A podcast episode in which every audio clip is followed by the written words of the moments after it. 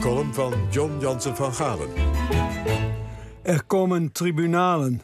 Ja, kan. Waarom niet? Iedereen kan er eentje oprichten, net als een geheim genootschap of een geheimtaal. Wonderlijk hoe snel een woord van lading kan veranderen. De voorzitter van de Tweede Kamer wilde het woord tribunalen subiet in de ban doen. Een columnist van Trouw noemde het een waar dieptepunt. Iemand sprak van fascistische intimidatie. Maar vroeger was een tribunaal iets links, weet u nog? Voor een tribunaal werden dictators en oorlogsmisdadigers ter verantwoording geroepen. Meestal overigens zonder dat ze ter zitting verschenen. Het mooist was het Vietnam-tribunaal. Van over de hele wereld togen getuigen en belangstellenden in 1967 naar het Zweedse Roskilde om de verantwoordelijken voor de Vietnamoorlog, vooral de Amerikanen dus, te berechten. Zogenaamd dan. De organisatoren, de filosofen Bertrand Russell en Jean-Paul Sartre, hadden bedacht dat bij die berechting de criteria van een echt algemeen erkend tribunaal moesten gelden, dat van Nuremberg, waarin 45-46 de Duitse oorlogsmisdadigers berecht waren.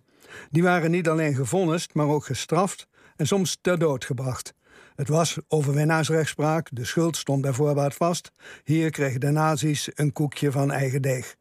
Maar het Vietnamtribunaal had geen enkele rechtsmacht en niemand van de beklaagden belandde achter de tralies. Toch werden tribunalen in die tijd een rage. Menige dictatuur werd voor een zelfbenoemd tribunaal gesleept.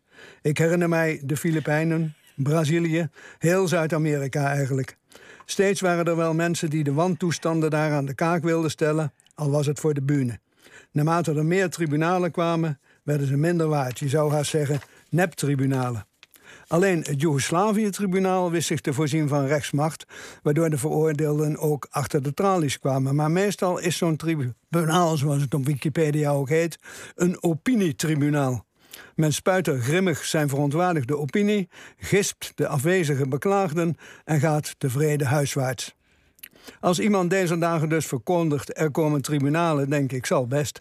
Er zijn altijd mensen te vinden die rechtbankje willen spelen om machtige personen een zelfbedacht vonnis aan de broek te smeren. Ze maken op zolder de verkleedkist open, diepen er iets uit op wat kan doorgaan voor toga en gaan zitten rechtspreken met quasi-gewichtige woorden en fantasieprocedures. Dan was jij de verdachte. Nee, ik wil advocaat zijn. Het vonnis is doorgaans niet mals. Vader moet brommen, de bovenmeester krijgt een draconische fantasiestraf voor de kiezen. Een wassen neus, maar o zo spannend. Maar toen een jonge blaaskaak van Forum voor Democratie verkondigde dat zij ook tribunaaltje gaan spelen, ongetwijfeld met moeilijke woorden, daar heeft die club een handje van, werd dat opgevat als ernstig gevaar voor de democratie. De Tweede Kamer stond diep verontrust op zijn achterste benen.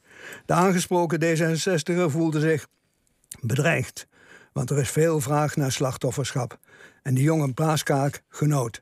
Was dit nou zo'n moment waarop de democratie zich weerbaar moet tonen, zoals in 1936 werd bepleit door professor Georges van den Berg, die ondemocratische partijen wilde verbieden? Ik sluit niet uit dat zo'n moment kan komen, maar dit was het echt niet. Op die aankondiging van tribunalen had de Tweede Kamer niet beter kunnen reageren dan met een collectieve Homerische lachbui. Diepe pijn, daverend gelach graag. Want humor is het beste wapen tegen onverdraagzaamheid. Ja, John, bedankt. Het is interessant hoe zo'n woord tribunaal een, een, een, een, een, nieuwe betekenis krijgt. Want, het heeft nu bij, want dat was in de reacties duidelijk te zien. Iedereen vat het op als een soort vrijbrief voor volksrechtpleging. Een afrekening met. Ja, zeker. En, en dat is het eigenlijk helemaal nooit. Zo is dat helemaal niet. Goed, bedankt voor deze verhelderende column, John. OVT. Een programma over de onvoltooid verleden tijd.